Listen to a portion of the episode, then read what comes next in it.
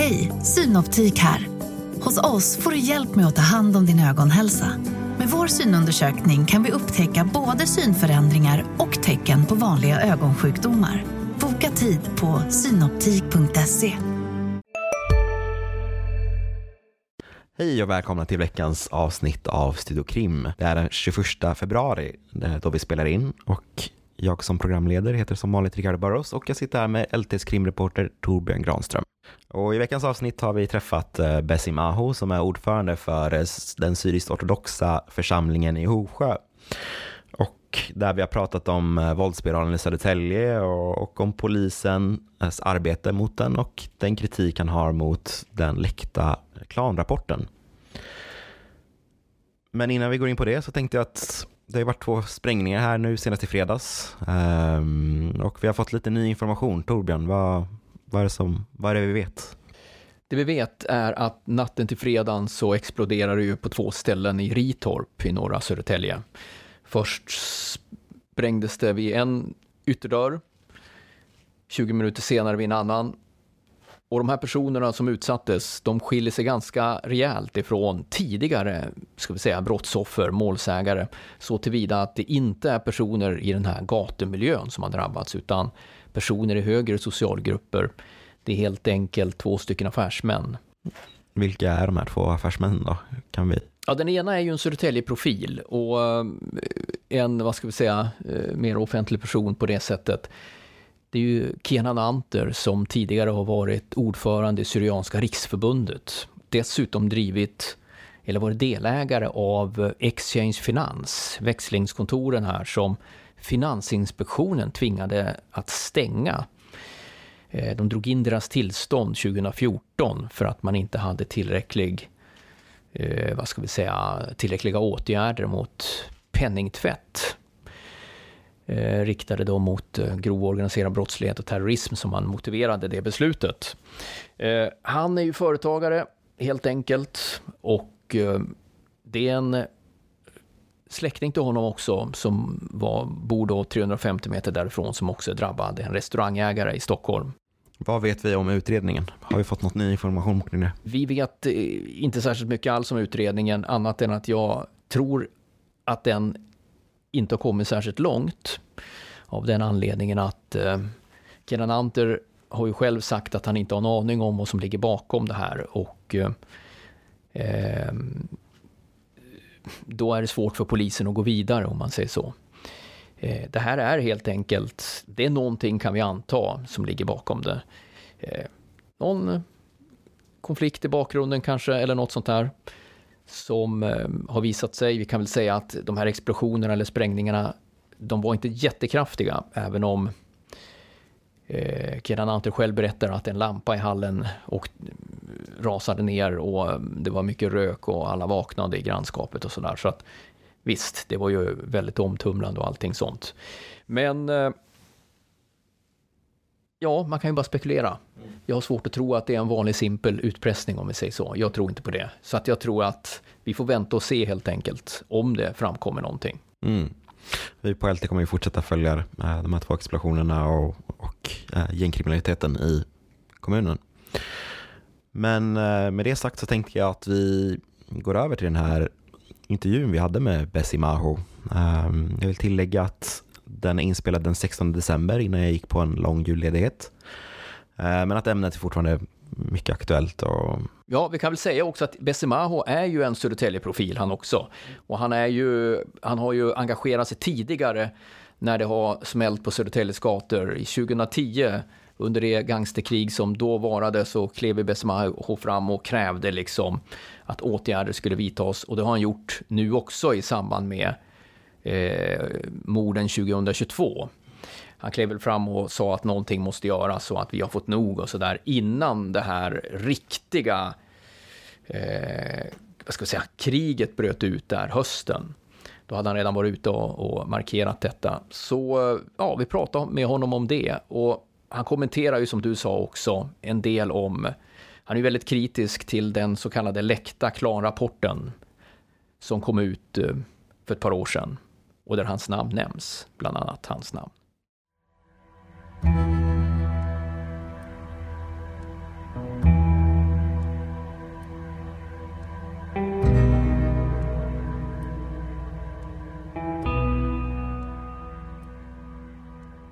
Gör polisen tillräckligt för att stoppa våldsspiralen i Södertälje?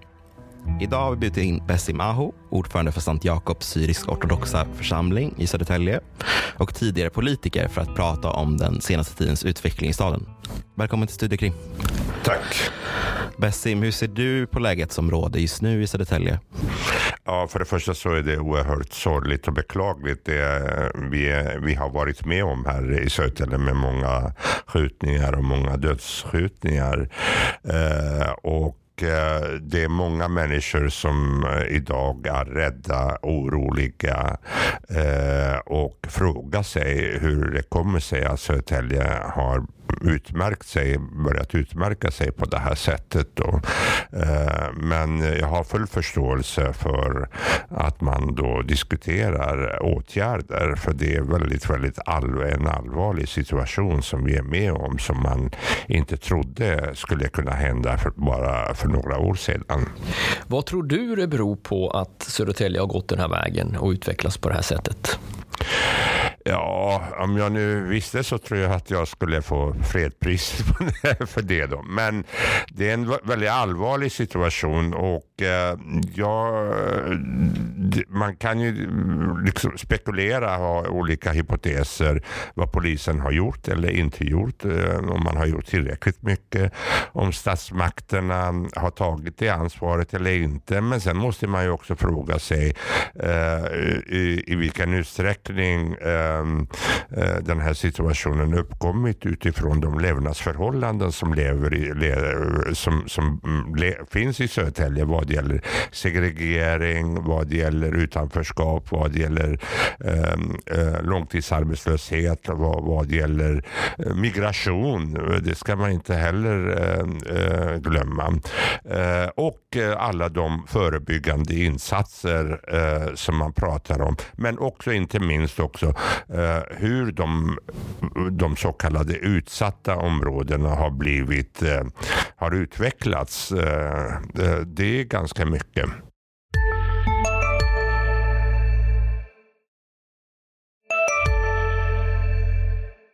Men om vi börjar med polisen.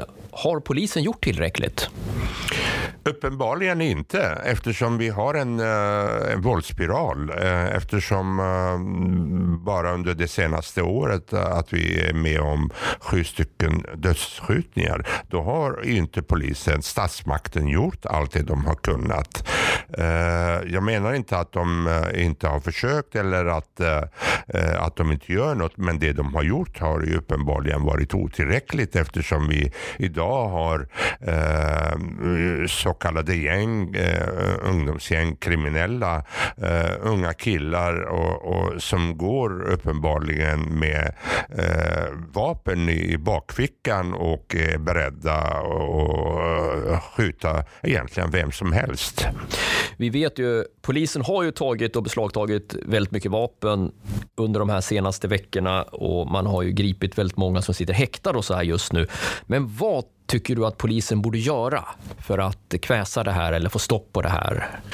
Alltså grogrunden eh, för eh, den här ökade kriminaliteten är ju som vi sa eh, en massa orsaker. Det är det här med hur förhållandena, levnadsförhållandena ser ut i våra bostadsområden, våra så kallade utsatta områden och så vidare. Men om vi då kommer till vad polisen borde göra. Det som är uppenbart är att det är stora pengar, det är i omlopp. Eh, knarkhandeln, droghandeln narkotika.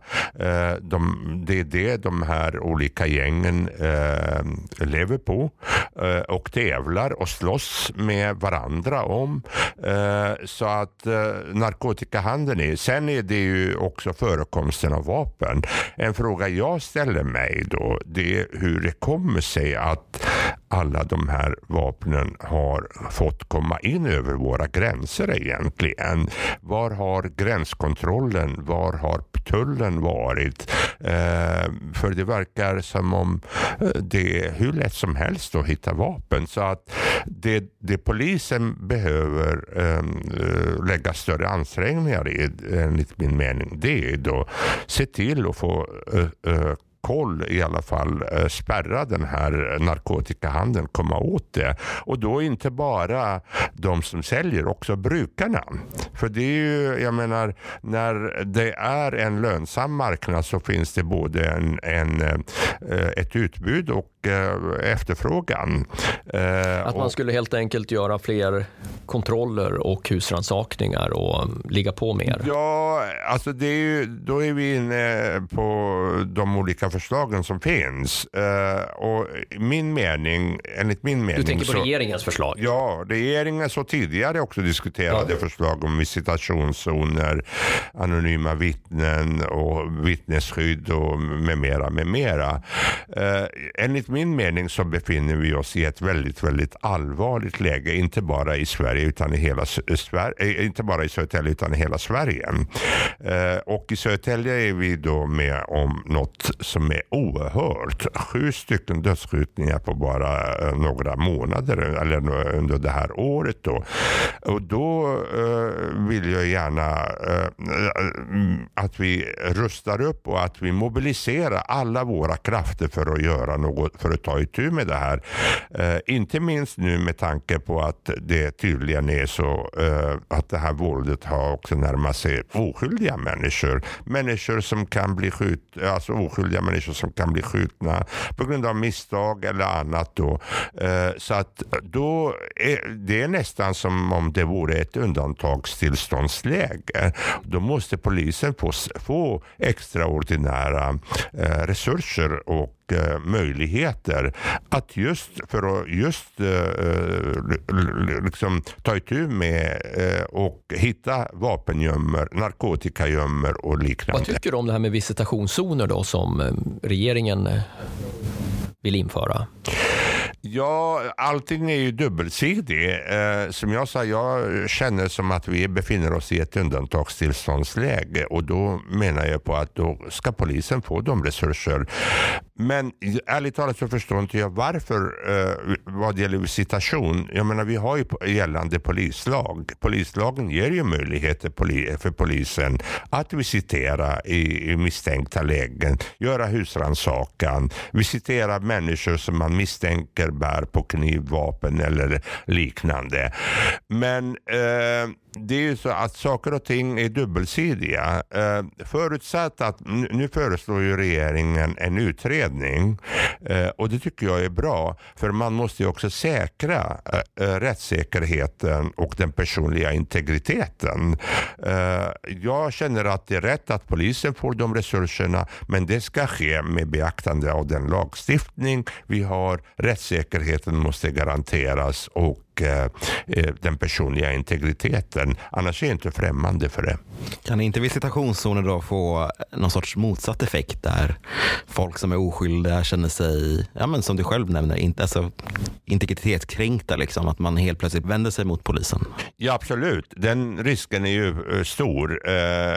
Det är så att människor som bor i våra utsatta områden är redan stigmatiserade och känner, känner känner att de eh, inte är med i majoritetssamhället egentligen. Då. Om man då utsätts för något eh, av det slaget så är det uppenbar risk också för att man känner sig ännu mer eh, i ett utanförskap. Det är därför det är viktigt att frågan utreds huruvida eh, det här kan göras på ett rättssäkert sätt och eh, där den personliga integriteten. Jag skulle, och då är det viktigt också att man i det läget om man då bestämmer sig för visitationszoner kommuner, inte bara i utsatta områden, utan då ska det ske också i Östermalm, där, eh, där, där narkotikan får en avsättning, där människor kanske står i kö för att köpa. Jag menar de här eh, kriminella gängen, om det inte vore så att det fanns köpare som köper deras varor, då skulle de ju inte tävla om varan heller. Du har ju själv varit förvisso då lokalpolitiskt engagerad under väldigt många år. Du var ordförande i Södertäljes kommunfullmäktige. Du har varit engagerad för Socialdemokraterna. Det partiet har suttit vid makten under väldigt lång tid.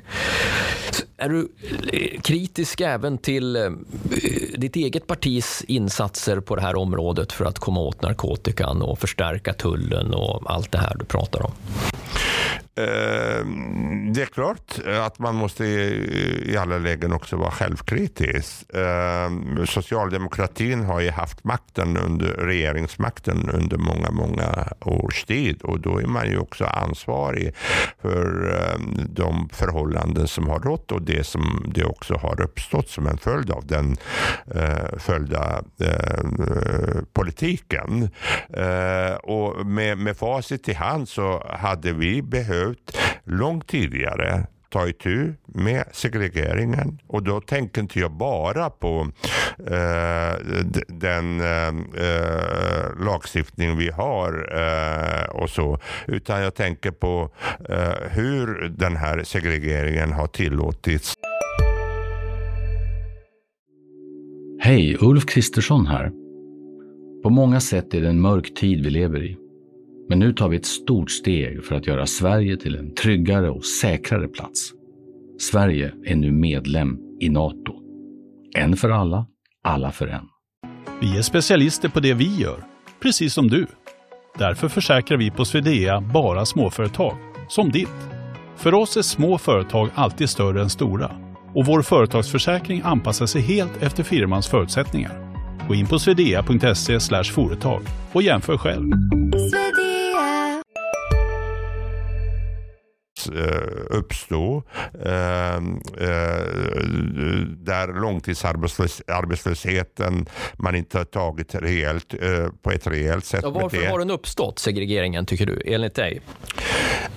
Ja, enligt mig så har den, om vi tänker oss, nu, nu har jag, råkar jag ha bott här i Södertälje under många herrans år. Ehm, jag var med från början när den så kallade assyr, assyrieinvandringen eh, kom in till Södertälje eh, tidiga 70-tal.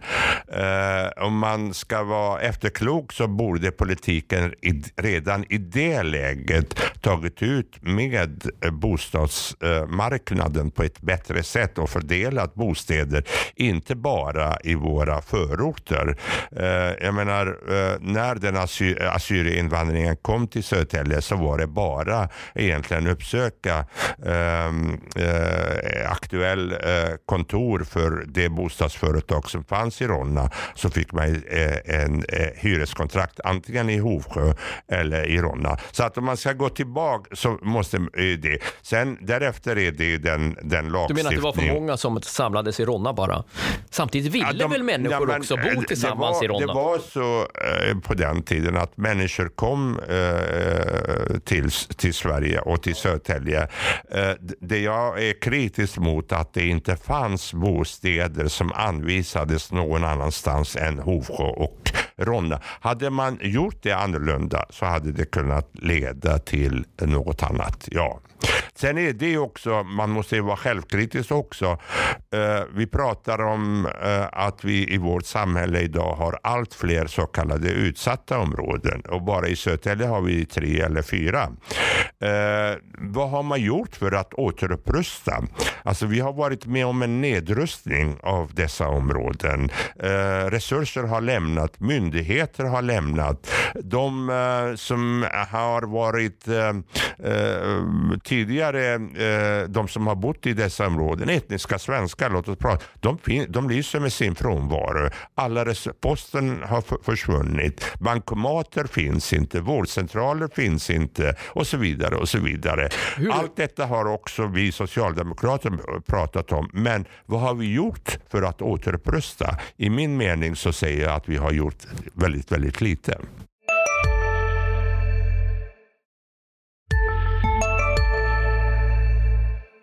I maj i år så sammanstrålade de två syrisk-ortodoxa församlingarna och de assyriska och syrianska föreningarna i ett möte för att diskutera den här våldsutvecklingen i Södertälje och hur ni kunde bidra med att stoppa den. Det var i maj, vi skrev om det här också.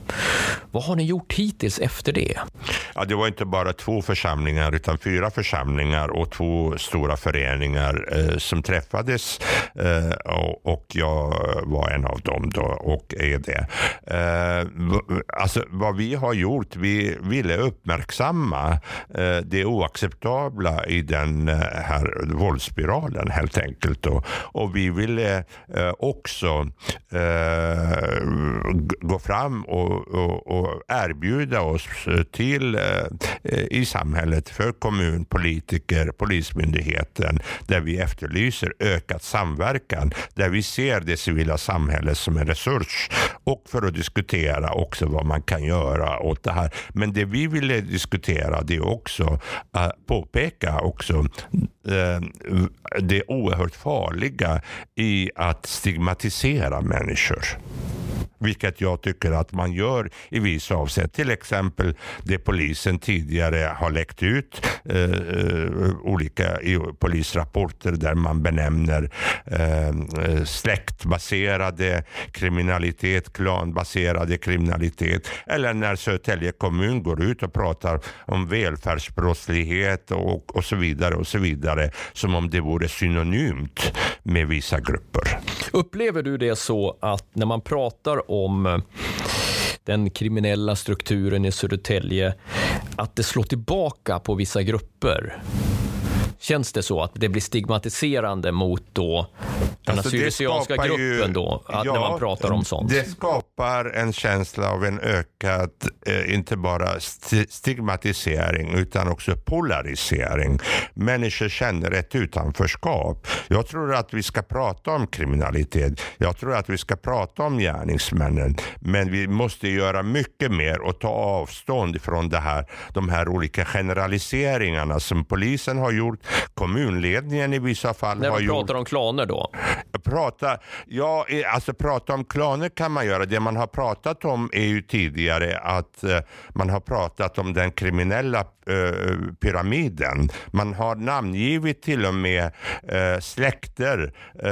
man har namngivit politiker. Man har namngivit andra. Just det, i, i den här klanrapporten kanske vi ska säga som, som sipprade ut. Som man ut. har låtit läcka ut.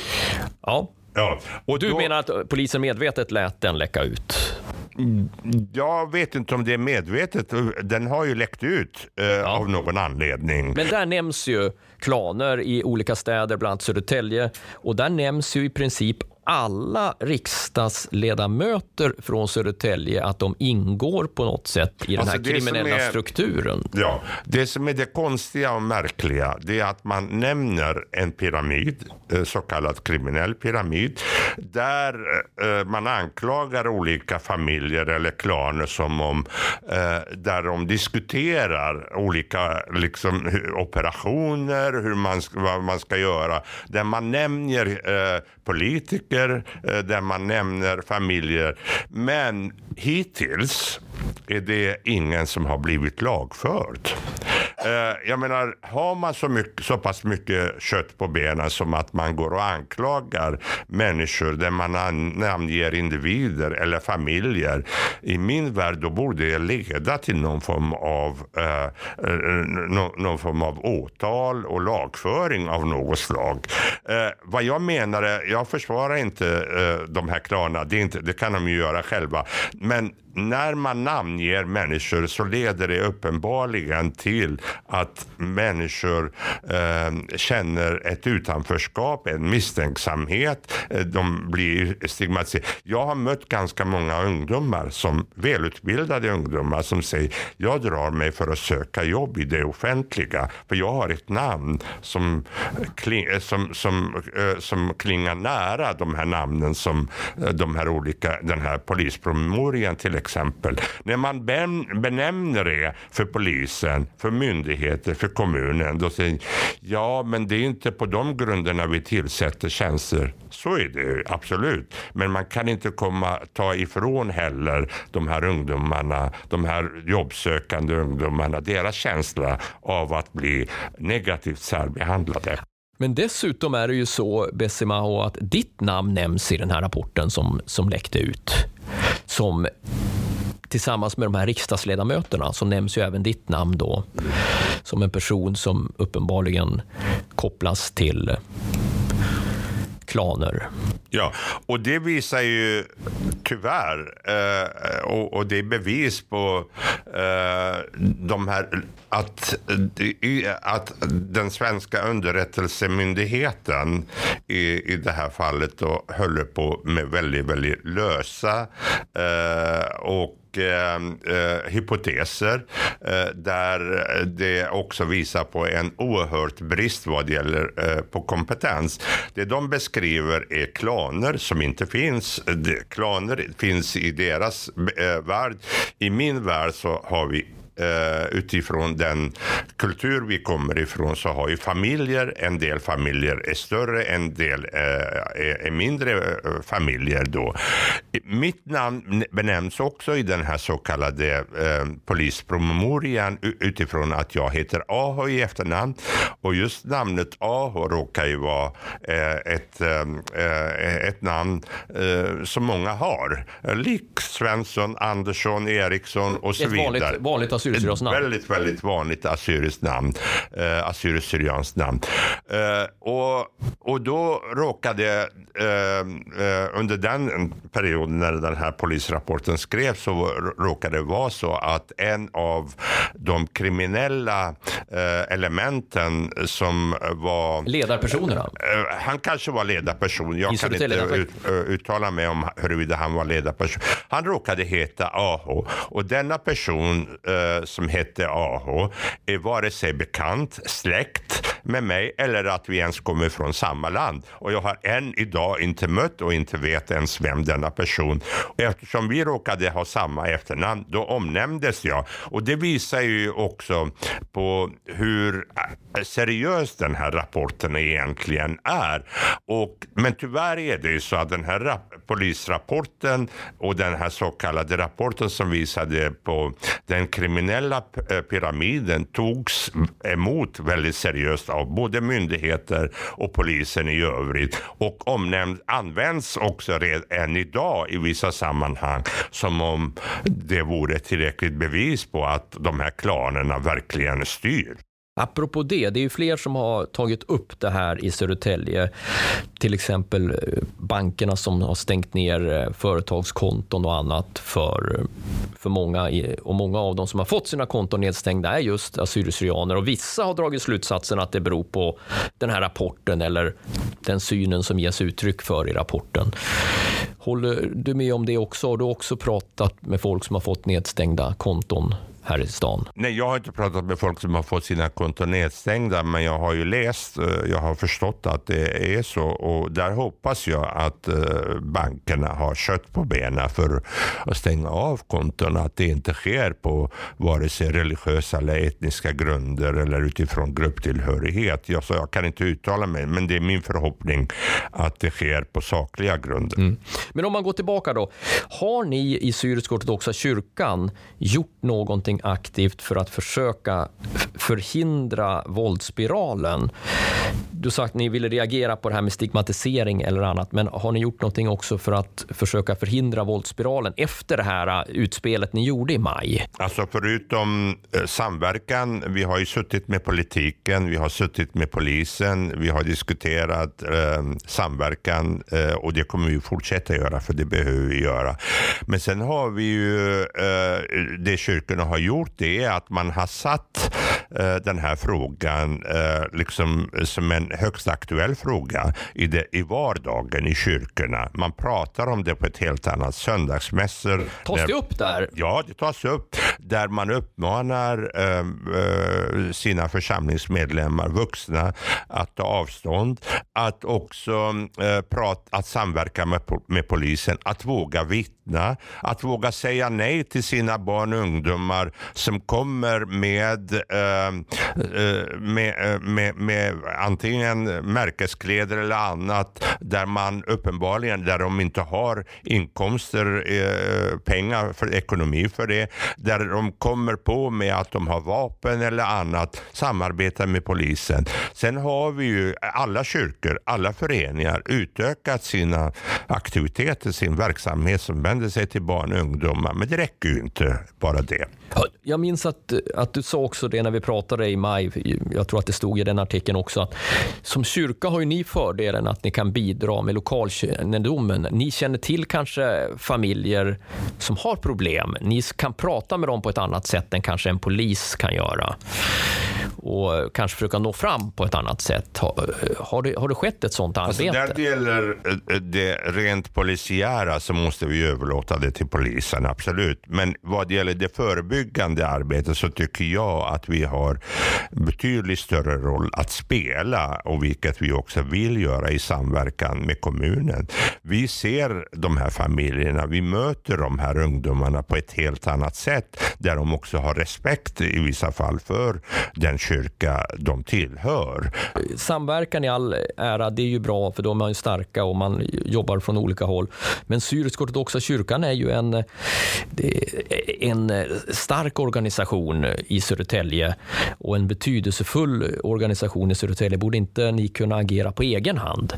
Ni är, det gör resur- vi. ni är resursstarka, ni har kontakter, ni skulle kunna prata med eh, familjer som, där ungdomar börjar komma på glid och sådana här saker. Att, Alltså vi har i, i samtliga våra församlingar så har vi alla de här aktiviteterna. Men det räcker ju inte till. Vi, vi har allt ifrån uh, läxläsning, vi har sommarskola, vi har söndagsskola, vi har eh, fritidsaktiviteter, vi erbjuder utflykter och, och samtal och så vidare, stöd till familjer. Och, s- allt, men det räcker ju inte. Eh, det, vi måste göra mer. Och, vi, och, och framförallt så tror jag att vi måste, i, när vi pratar om samverkan mellan det civila samhället och eh, kommun och polismyndigheten och, och så vidare så måste vi prata om vad man kan göra i varje bostadsområde. Vi behöver gå ifrån ord till handling vad det gäller att återupprusta de här så kallade utsatta områdena men också ta itu med de orsaker som leder till att människor hamnar eh, i ett eh, utanförskap. Och det var allt för veckans Studio Krim. Ehm, jag som har programlett heter Ricardo Burrows och som vanligt hade jag med mig Torbjörn Granström, LTS krimreporter. Nytt för i år att Studio Krim släpps varannan vecka och finns där poddar finns. Jag tackar för att ni har lyssnat. Okej hörni, gänget! Vad är vårt motto? Nej, allt är inte alltid som du tror. Nu täcker vårt nät 99,3 procent av Sveriges befolkning baserat på röstteckning och folkbokföringsadress. Ta reda på mer på 3.se eller i din 3-butik. Hej, Synoptik här.